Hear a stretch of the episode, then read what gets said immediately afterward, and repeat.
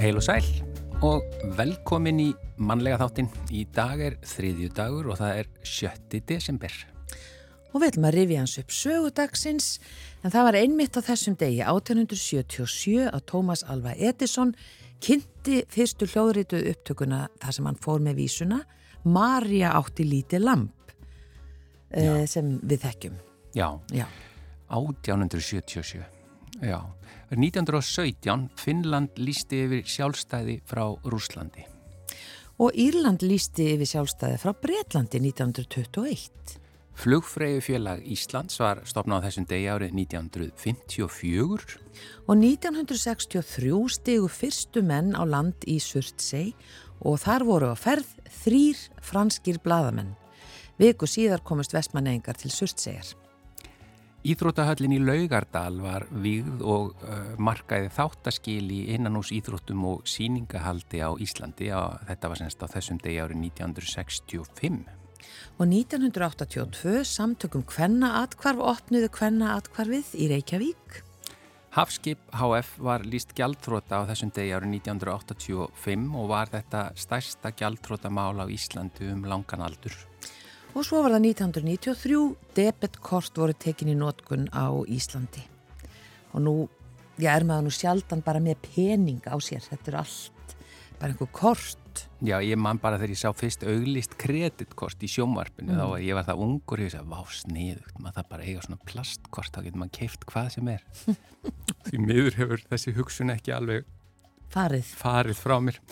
Jæja, eh, við ætlum að kynna okkur starfsemi Parkinson samtakana í dag. Eh, hvað er Parkinson? Eh, hver eru enkennin og hvað er hægt að gera til að halda enkennum sjúkdómsins í skefjum? Parkinson samtökin á Íslandi verða 40 ára á næsta ári og við ætlum að fá Ágústu Kristínu Andersen, fostuðumann Takts, miðstöðar Parkinson samtakana og Ernu Guðmundsdóttur, framkvæmdastjóra samtakana til okkar í dag til að segja okkur betur frá þeirra starfsemi og fræð okkur. Og við ætlum líka að velta hans fyrir okkur markasetningu á samfélagsmiðlunum. Hulda Birna Baldustóttir er viðskiptafræðingur með meistaraprófi stjórnun og sérfræðingur í svona markasetningu. Hún hefur stýrt eh, herrferðum, eh, séðum verkefni stafrænt skjáskot fyrir nýsköpunarmiðstöð Íslands og unni með yfir 250 fyrirtækjum við að ebla þau í stafrætni þróun. Já, og Elin Björk Jónasdóttir veðurfræðingur kemur svo í sitt vikulega veðurspjall og þrátt fyrir að nú sé farið að kólna þá ætlar hún að tala um met hlýjindi í nýliðnum november mánuði. Og á Rástvö er jólalagakeppnin í fullum gangi og við ætlum að byrja þáttinn okkar á að leika jólalagi sem vann í fyrra, lendi fyrsta sæti. Já, þetta er, er hljómsveitin heimilistónar og lagið Anda inn eftir köllu Margreti Þorgeistóttur.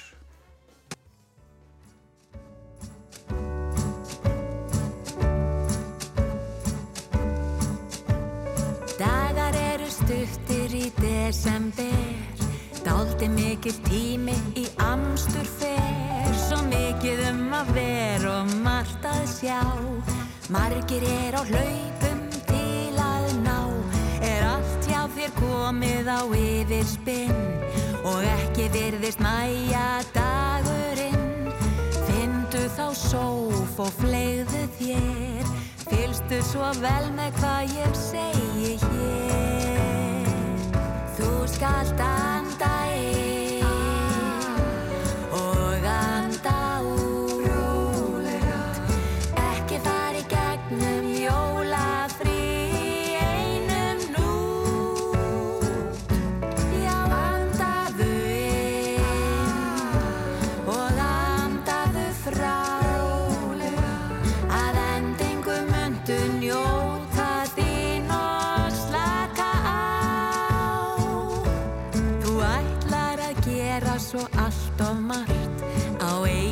eilífu flakki því vesla þart gilda jólabjöll í garðin þinn og gul og rauða serju á það kantinn eins að finna jóladress á krakkana og aldeilis að kaupa nokkra pakkana.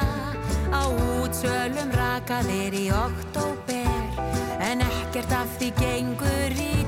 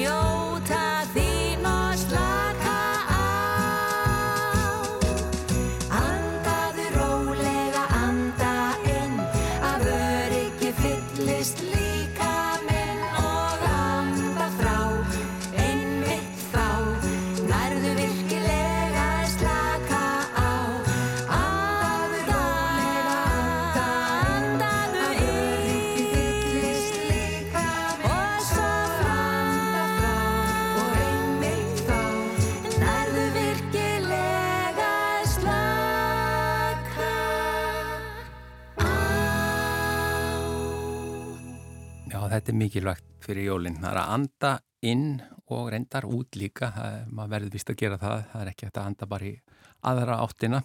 Þetta voru heimilstónar og þetta var einmitt sigurlægið í jólalagakefni Rásar 2 í fyrra og uh, höfundur, lags og texta er Katla Margrit Þorgistóttir. En við erum komið með góða gesti hingað Ágústu Kristínu Andersen, forstuðumann takts miðstöðar Parkinsons samtakana og Ernu Guðmundsdóttur framkvæmdastjóra samtakana. Velkomnar í manlega þáttin. Ó, takk fyrir.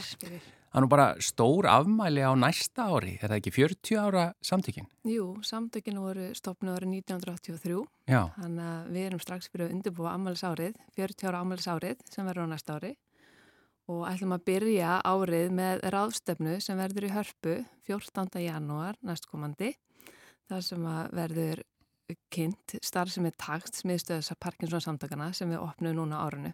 já.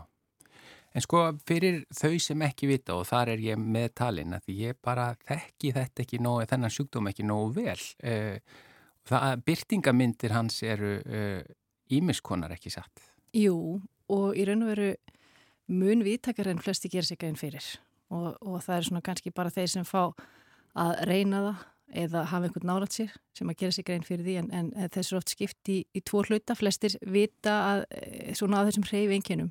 Fólk, eh, og, og hreyfi hömlunum Já. sem sjúkdómur er veldur.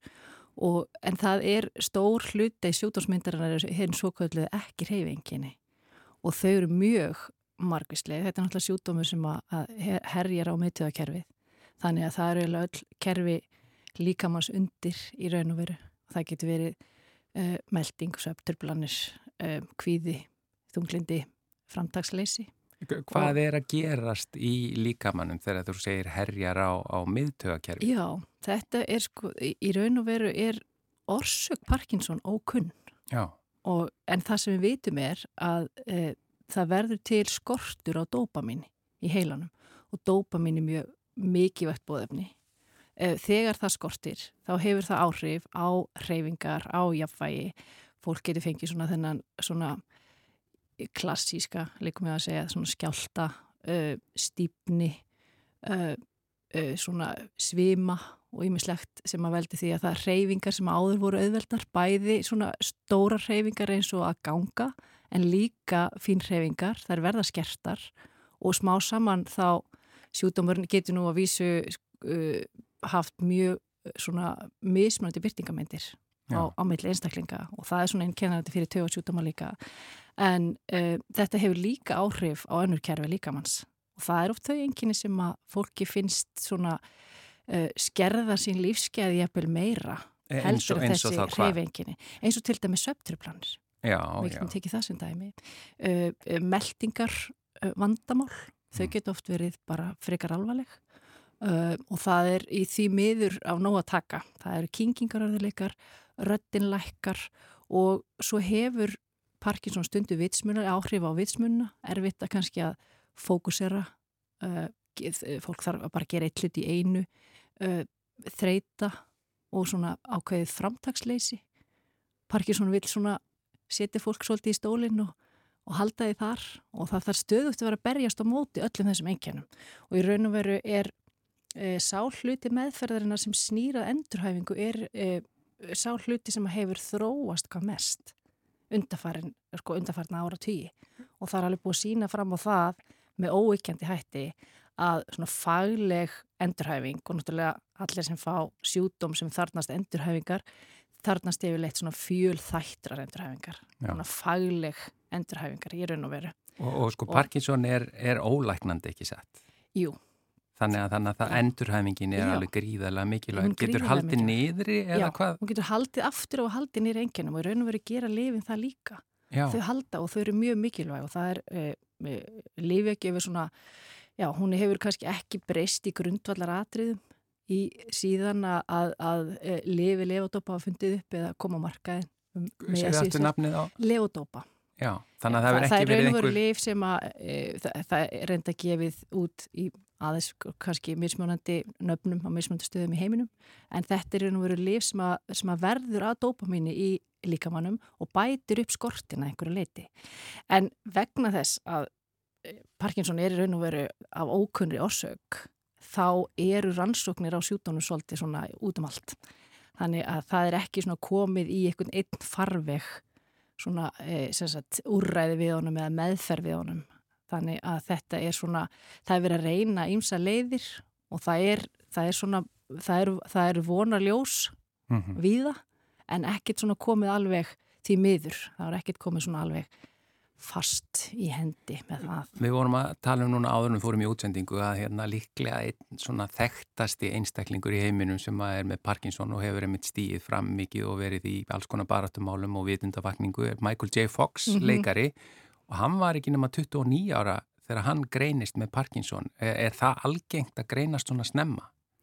Nei, það er raunar frekar óalgengt að fólk greinst svona snemma. Flestir eru að greinast uh, upp úr 60. Það er svona flestir sem fá greininguna um eða eftir það, þann aldur og líkunar aukast með herkandi aldri.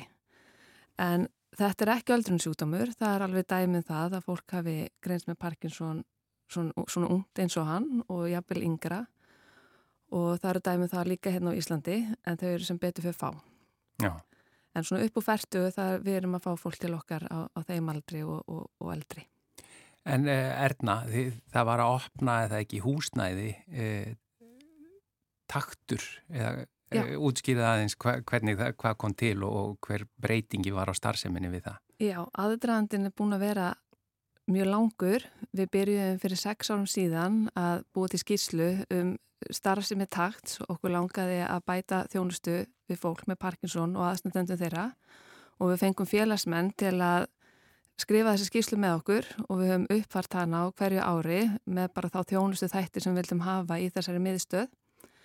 Og fórum samlega því í söpnun, uh, sapna penning út af við vissum að þetta væri mjög stort verkefni fyrir lítið félag og söpnun hefur gengið vel og við fórum líka að leita að húsnaði og skoðum húsnaði út um allan bæ en enduðum síðan í Hafnafyrði þar sem Hafnafærabær var að fara að breyta gamla Santi Jósef spítala í lífskeðasettur og við sáum að við ættum vel hérna, heima þar inni e, og sóttum um og fengum útluta frá Hafnafærabæ helmingnum af þriðuhæðinni en það átti þá alveg eftir að gera hæðina upp og við vorum í smá óvissu þanga til að styrtar og líknasjóður Oddfjölóa kom að málinu og þeir ákveður sem sagt að gera upp alla þriðuhæðina í Santi Jó og við fengum helmingina hæðinni og svo er allsæmi samtökin á mót okkur í hinnum helmingnum. Og þarna voru við semst að opna núna á þessu ári takt e, þar sem við erum að bjóða upp á faglega og samfelda endurhæfingu fyrir fólk með Parkinson og stuðning við aðstandendur. Og er þetta, þetta húsnæði, þetta getur þjónað eitthvað til framtíðar, þar að segja þetta er nógu stórt eh, núna eh, allanum fyrir sjáanlega framtíð? Já, þetta, þetta er, góð, við erum í góðum málum eins og er og við bættum við á fyrstuhæðinni, tókum við stort rými á leigu sem er fyrir takt sjúkræðalvun og þar eru við með andra sjúkræðalvara sem er sérhæfður í Parkinson endurhæfingu og þar er hann að þjálfa fólk í, í hópum og við eigum hérna vonu öðrum sjúkriðþjálfara þaðurinn þannig að við gerum ráð fyrir að geta sint þeirri, þeim hluta sjúkriðþjálfarnir mjög vel þarna í takti. Hversu algengur er þessi sjúkdómar? Hvað er eh, til dæmis skjólstæðingahópur ykkar stór? Já, eh, skráning á sjúkdónum er nú kannski svona þess að eðlis eins og marga sjúkdóma í Íslandi það er ekki alveg vitað en, en samkvæmt fyrirspötn okkar til lands, landlæknis þá eru 1100 manns að taka Parkinson liv. Já á, á landinu. Það má bæta því við að Parkinson er náttúrulega ekki sjútumur sem að herjar bara á þann sem fær sjútuminn. Þetta er gríðarlega mikið, mikið svona viðfánsefni, skulum við segja, fyrir fjölskylduna. Og aðstandendur. Og fyrir aðstandendur og okkar dýr standa þeim opnar og, og það er svona mjög lár þróskuldur inn til okkar. Það þarf ekki beðni eða neitt slíkt, það er hægt að bóka tíma hjá mér, ég er sérst tjúkunarfræðingur og svo erum við með fagfólk á okkar snærum og, og, og mikla dagskrá í raun og veru sem við svona reynum að hjálpa fólki að snýða að sínum þörfu. Hvernig með greiningu? Það er að segja, er, er haldið þessi mikið af fólki út í samfélaginu sem er ógreint? Það er, e, það er algengar en ekki fólk sem búið að vera með enginni sjútonsins mjög lengi eða í, í allavega nokkur ár áður en að fær greiningu, ekki síst vegna þess að, að enginni þurfa að vera orðin veruleg til að fá greiningu vegna þess að greiningin er bara klínisk. Eða, sérst, hún, hún, er, hún fer bara fram, það er lækni sem þarf að meta það hverja mannesku fyrir sig, það er ekki hægt að taka blóðpröfu eða setja fólk í, í einhver svona rannsóknir sem að skera úr um það. Já. Heldur er það fyrst og fremst einkennin sem að ráði og, og, og sagan sem maður heyrir yfirleitt, yfirleitt svo að þegar fólk fær greininguna þá segir það já, ég er náttúrulega löngu fann að finna fyrir einkennu svona þegar ég legg saman 2 og 2. Þannig að það er, það er eh, oftast gangurinn í því. Við bendum bara hlustendum á, á heimasíðu Parkinson samtakana, Parkinson www.is það er rætt að fá upplýsingar og, og hafa samband við ykkur mm -hmm, Sannlega Var þetta ringja líka? Það er þetta ringja og, og e, þráttur þess að frábæri hjálp frá Ottfjölu þá er e, líka hægt að gerast styrtaræðilar það er ekki sett á heimasíðinni Jú, það er vel hægt Á ímsanað sem bara getur verið jæfnvel mánadilegi styrkir eða, eða, eða eingreista Já, já það er hægt að hafa þá þá má svo sem bæta því við líka heilbriðsáðnöti hefur svona sett aukslinu undir þetta með okkur og hérna og, og ráð þeirra tók mjög vel í það að hjálpa okkur og þannig að þetta er svona, já við viljum kalla þetta svona win-win sko. Já og þannig er hægt að sjá líka inn á heimasíðin er þetta að sjá viðburði framundan og þau eru með heilmikið viðburðum já, já, já, og það er þetta 14. januar. Já, 14. januar. Og hva, hvar aftur er svo ráðstefna? Svo ráðstefna verður í Hörpu 14. januar klukkan 10 um morgunin. Já og við bara hvetjum alla til að fara inn á parkinson.is og óskum eftir að fólk skráa sig en aðgangur er bara opinöllum og það kostar ekkit inn. Og yfirskriftin er höldum takti, Parkinson og endurhæfing. Ágústa Kristín Andersen og Erna Guðmundsdóttir, þakka ykkur kjallaði fyrir komuna mm. í manlega þáttin. Takk fyrir okkur.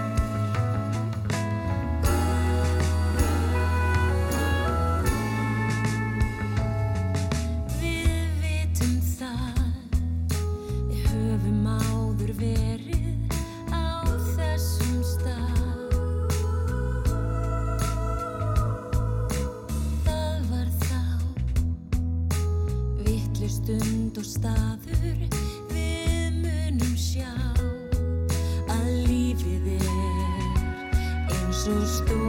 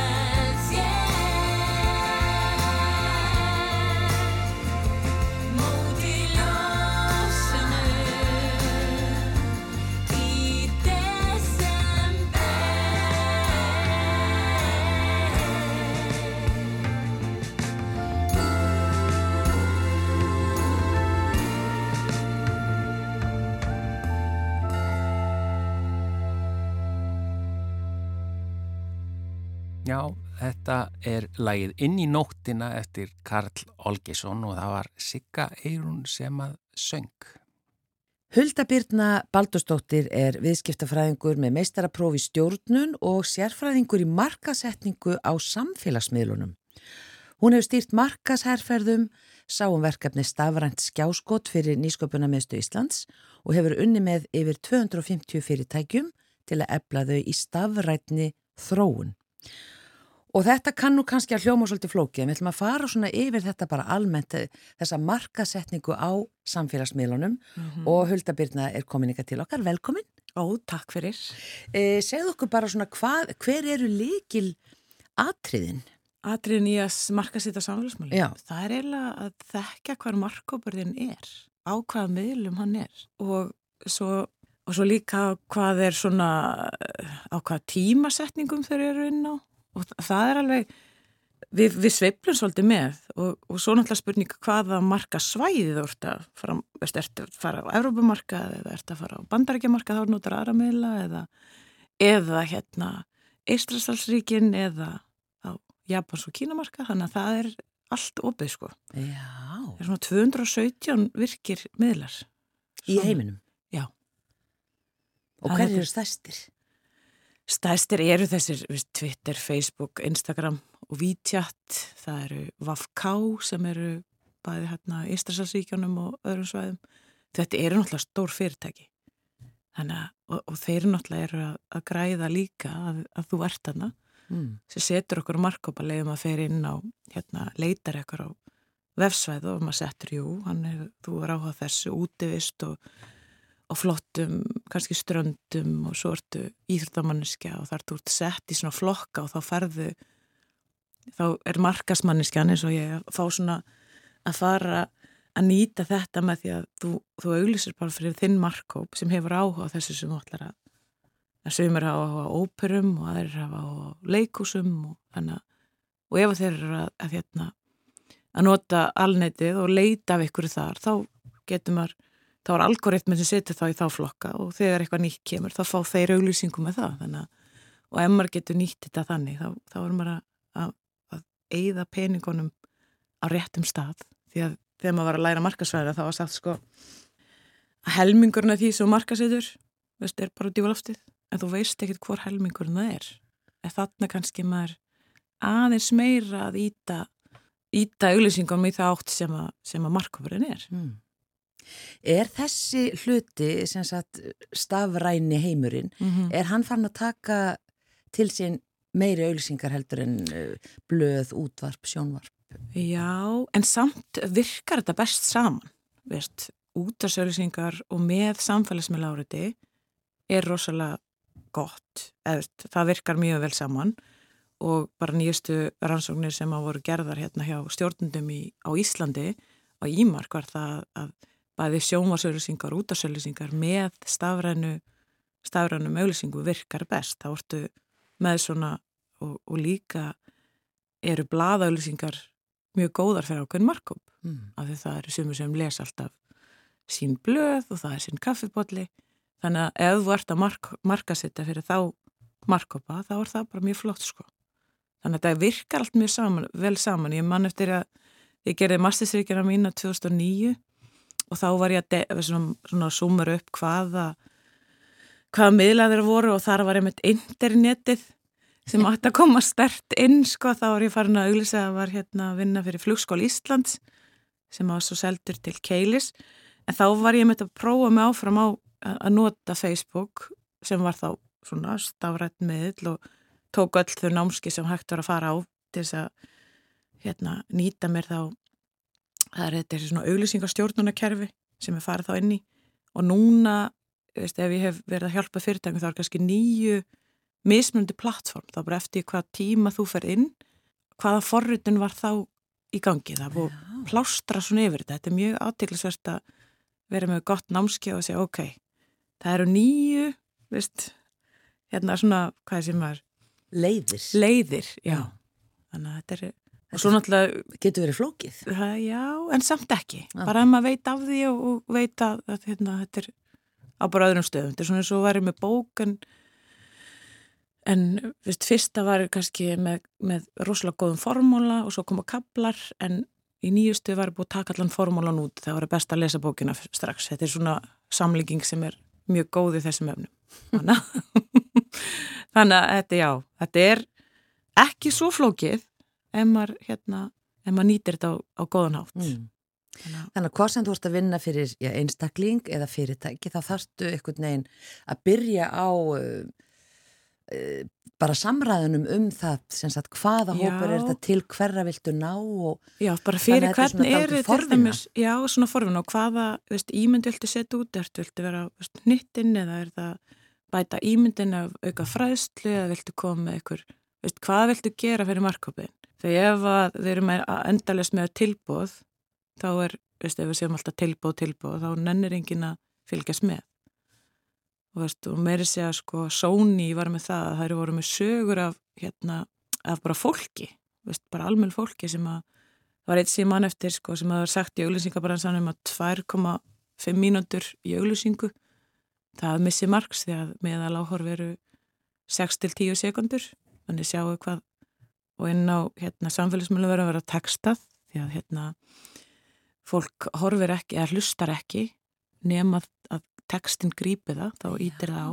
Þú sér það bara úr á hérna, býð eftir læknatíma eða hvað allir að kíkja það er engin að hlusta. Það er bara og já, að það var einmitt auglýsing svona frá Sony fyrir samfélagsmiðla og fyrirfram var hann búin að ákveða að maður myndi missa aðtiklina eftir smá tíma. Og það var einmitt um strák sem að hætta stama af því hann keftir sér Sony headphone. Og það er svoleið sögur, svona mannlegar sögur sem að vekja tilfinningar sem er gott áhorfa sko heldur fólkina þannig að það eru ímislegt sem að, og þeir tóku það átt að vera alltaf með svona sögur. Koma að saga í hverju mánu og það er einmitt, við þekkjum á podcastunum sem að maður býður eftir podcastunum hérna á, á hverjum lögati og hverjum hérna förstu degi eftir að komi til sem að hlusti. Þannig að þetta er svona að ekki áhuga á, sínum þáttum eða mm. aðtekli með þá hafa þetta í markofsinn sko. meðal áhorf á, á, á vídeo eða auglýsingar eða, eða svona myndbönd inn á samfélagsmiðlum er ekki nema 9-10 sekundur og það er meðal áhorfi sko. en svo þú er þrjár sekundur að vekja aðtekli Já, það er ekki langur tími. nei, Hver er munurinn á þessu miðlum eins og til dæmis segjum bara Instagram og Facebook? Er munur, er munur á þeim auglýsingu sem þú myndi setja á Instagram og síðan á Facebook? Já, en samt er þessir miðlar eru bara saman bókin af því að Facebook keifti Instagram og til þess að þeir virki sem best þarf maður að tengja það saman mm. en til dæmis eins og þegar maður er með markup frá 18-25 þá eru auglýsingarna sem byrtast inn á Instagram en það fylgja alveg með inn á Facebooka því að það er kannski markupurinn sem eru fóreldrað þeirra til þess að íta á krakkarna sína að, að, ef til dæmis erum að auglýsa nám að þú vart með auglýsingakerfi sem fer á 28 staði ef maður hérna, notar bústtakkan eins og margir sé að hérna, er að nota þá fer það eiginlega bara á færri staði. En ef maður notar þennan þessar auglýsingastjórnur sem er eiginlega bakvið sem fer þá til alls markófsins ef að þú fylgir mér. Jep, ég held Alveg, jáp og, hérna, Ég hef hérna- heilt um bústakkan Já, bústakkin er alveg fít, veist, ef maður er með mjög marga á síðunni því það fer þá bara til þeir sem eru búin að líka við síðuna. Og ef að fólki sem að líkar við síðuna líkar við auglýsinguna þína þá fer þetta þeirra, þeirra vina. Mm. þannig er eins og svo kongulóa kerfi og hvað er þetta ad manager að maður færi eða nýju meira fyrir auglýsinguna eða peningin þá fer á fleiri staði og borgar minna fyrir snertinguna ef við erum tala um snertikostnað með því að nota auglýsingakerfi þá, þá fer það ekki bara til þeirra sem að veist, líka við síðuna heldur til all, alls markkópsins sem að er sem þú vilt ná til til dæmis hérna veistu aldrei um 16 til 20 ára sem er á Reykjavíkusvæðinu eða Stórhugaborgarsvæðinu veistu að þá er það það sem að og mér varst aðteglisverða að því fór til hérna Englands í síðustu að það er nokkur fyrirtæki sem að auglýsa í Englandi íslensk fyrirtæki. Að þá er ekki að vera markkópa með á landi sjálft sko. Og það er kannski hérna svona, jú kannski að gott til að ná til íslitinga sem er að lendis að auglýsa fyrirtækin en þetta eru svona þið mætti alveg marka upp með að við þá landi eða myndi ég telja að vera betri peningum betur varið. Já. en þetta er mjög aðteglisveið fræði.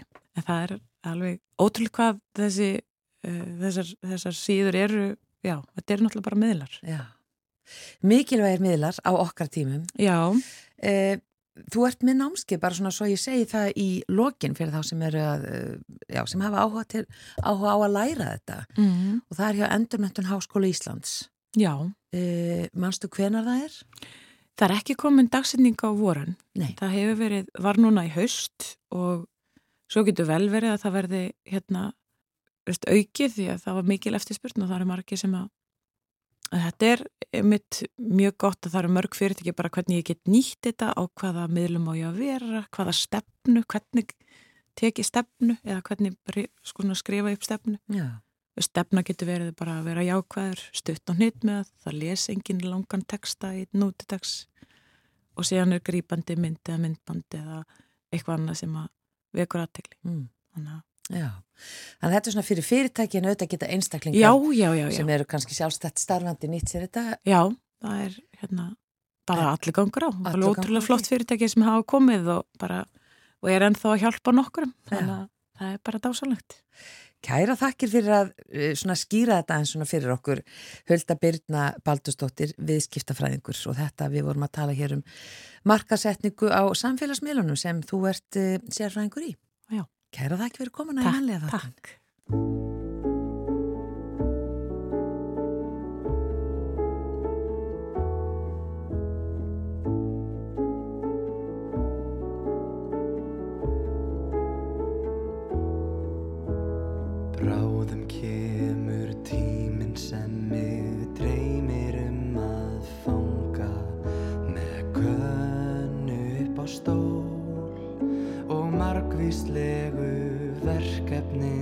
Sem verður frá að ganga. Ég vil ekki leti hanga fyrir jól.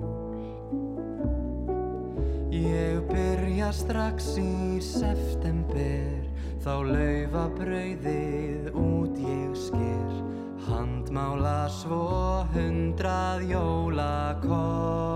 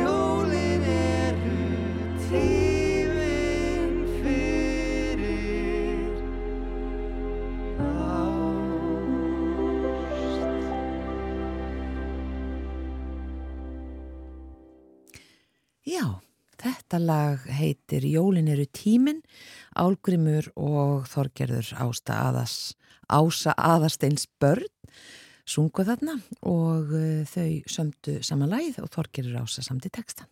Já, það er komið að veðurspjallinu. Eh, vikulegt veðurspjall og hingað er þá auðvitað komin Elín Björk Jónasdóttir veðurfræðingur velkomin. Takk fyrir.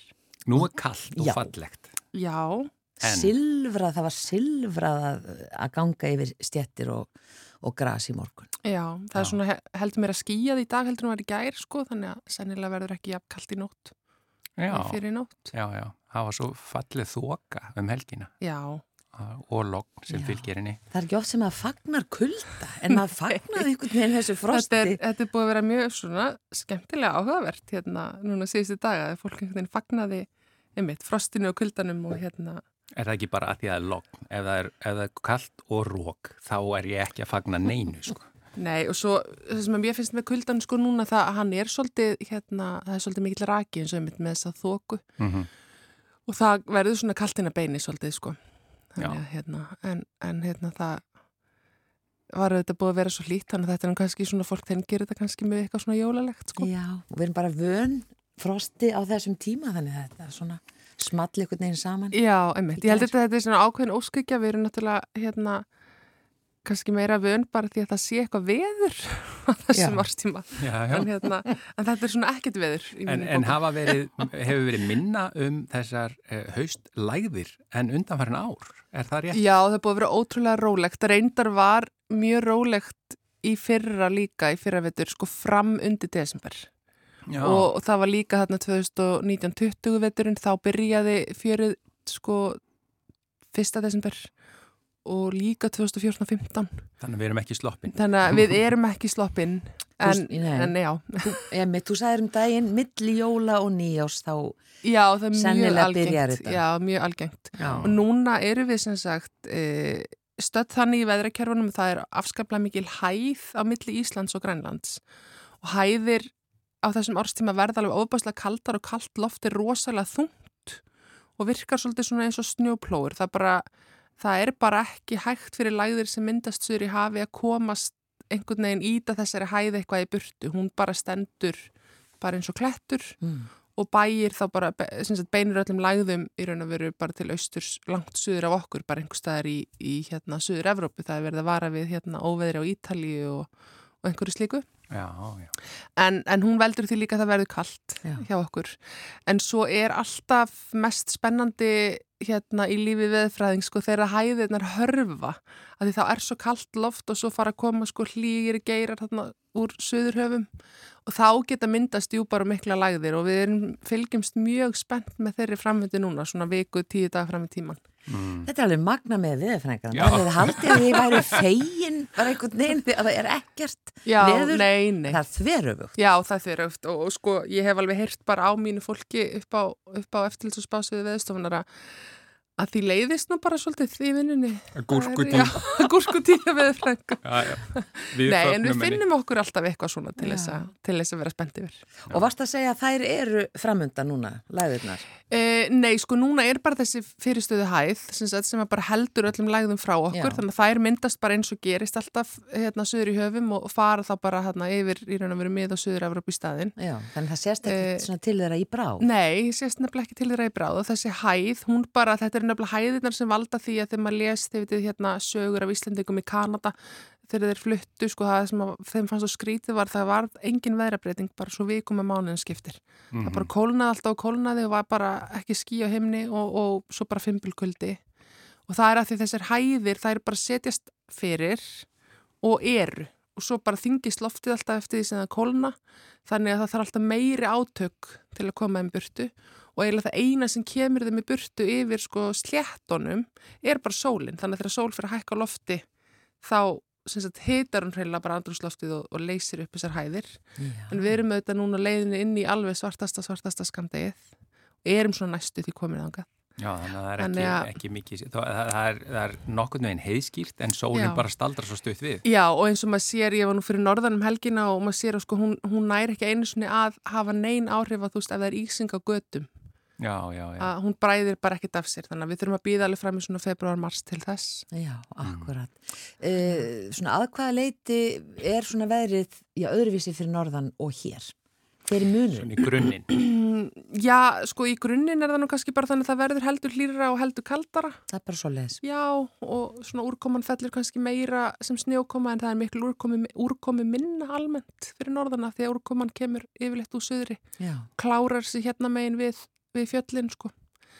En, en þetta er nú frekar lítið landana, þetta er nú engin, engin svona... Stór munur. Ekki, ekki stór munur þannig sko. Nei, nei. En þetta með november hlýjindin sem voru Já, meiri en hvað venjulega, er, Já, er þið eitthvað þau- búin að ná að lesa inn í þetta? já, sem sagt, uh, hér stendur bara, það var- kom út tíðafar í nóvember 2022 á, á hérna við veðstofnar og þar stendur mánuðurinn var hlýr um allt land og víða og með að hlýjustu nóvember mánuða frá upphafi mælinga. Mhm. Á landsvísu var meðal hitinn sá hæsti sem mælst hefur í nóvember. Vá. Já. Er, Og af því við vorum að tala um teigarhorn hérna fyrir nokkrum hérna vikum, já. að þá er þetta einmitt hlýjast í nóvember á teigarhorni frá upphafi mælinga og við vitum að þær eru, það er löngröð. já, er það ekki bara elstu heimildir nánast sem Jú, við eigum í því? ön, önnur elsta. Já. Já, hérna. Önnur elsta stöðin, sko. Er, er Við þetta, við getum rattað þetta Guðrún. en er þetta, er þetta lofslagslínunin?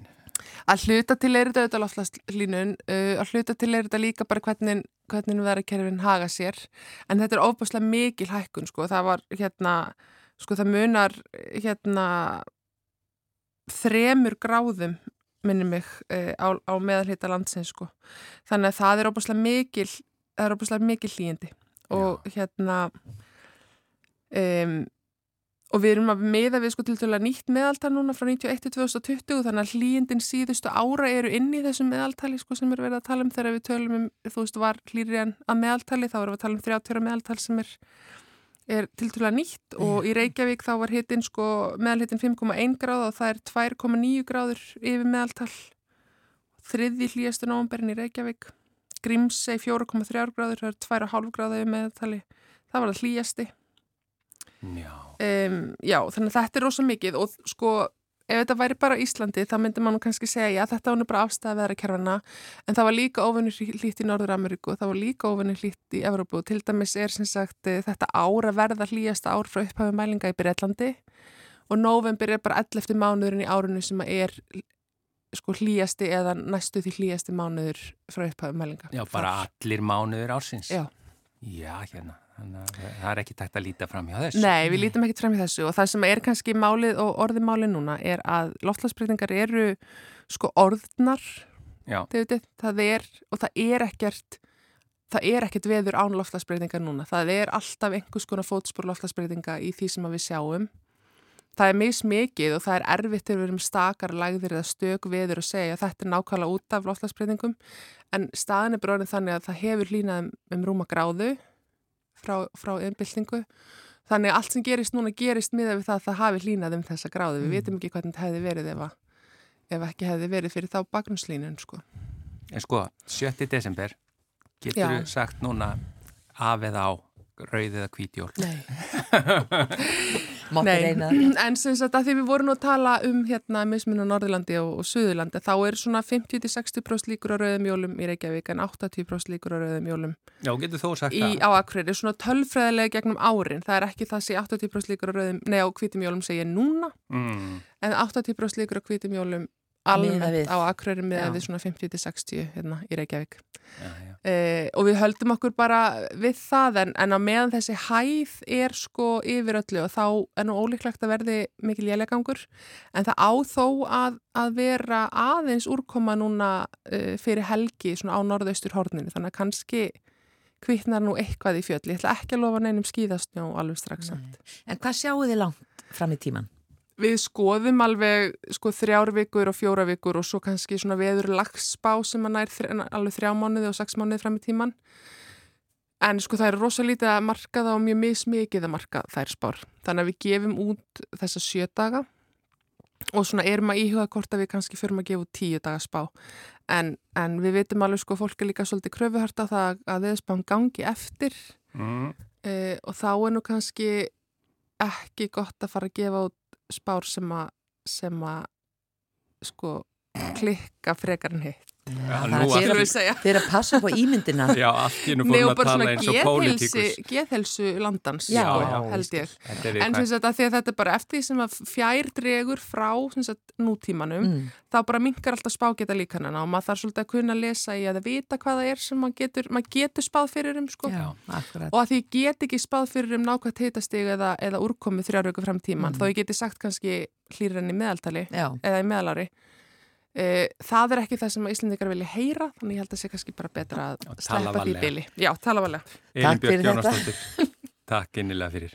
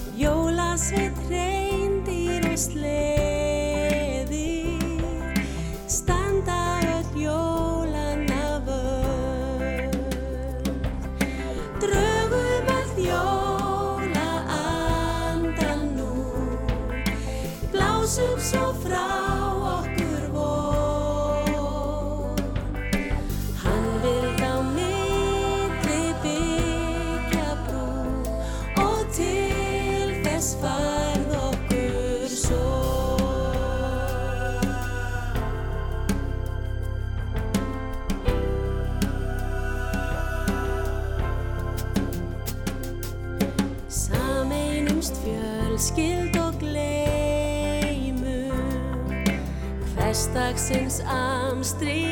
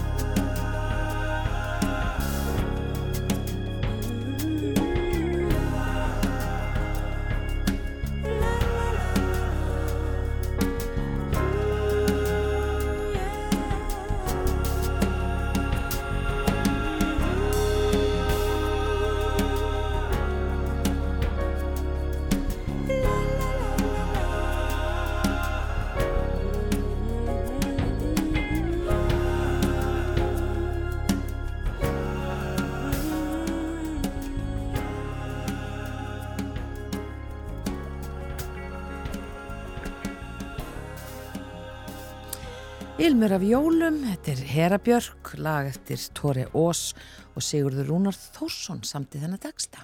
Já, þetta er bara loka þáttið, eh, loka þáttið, loka lægið í þættinum Já. í dag. Uh, við verðum hér auðvitað bara aftur á sama tíma á morgun. Já, þökkum samfélgina. Verið sæl.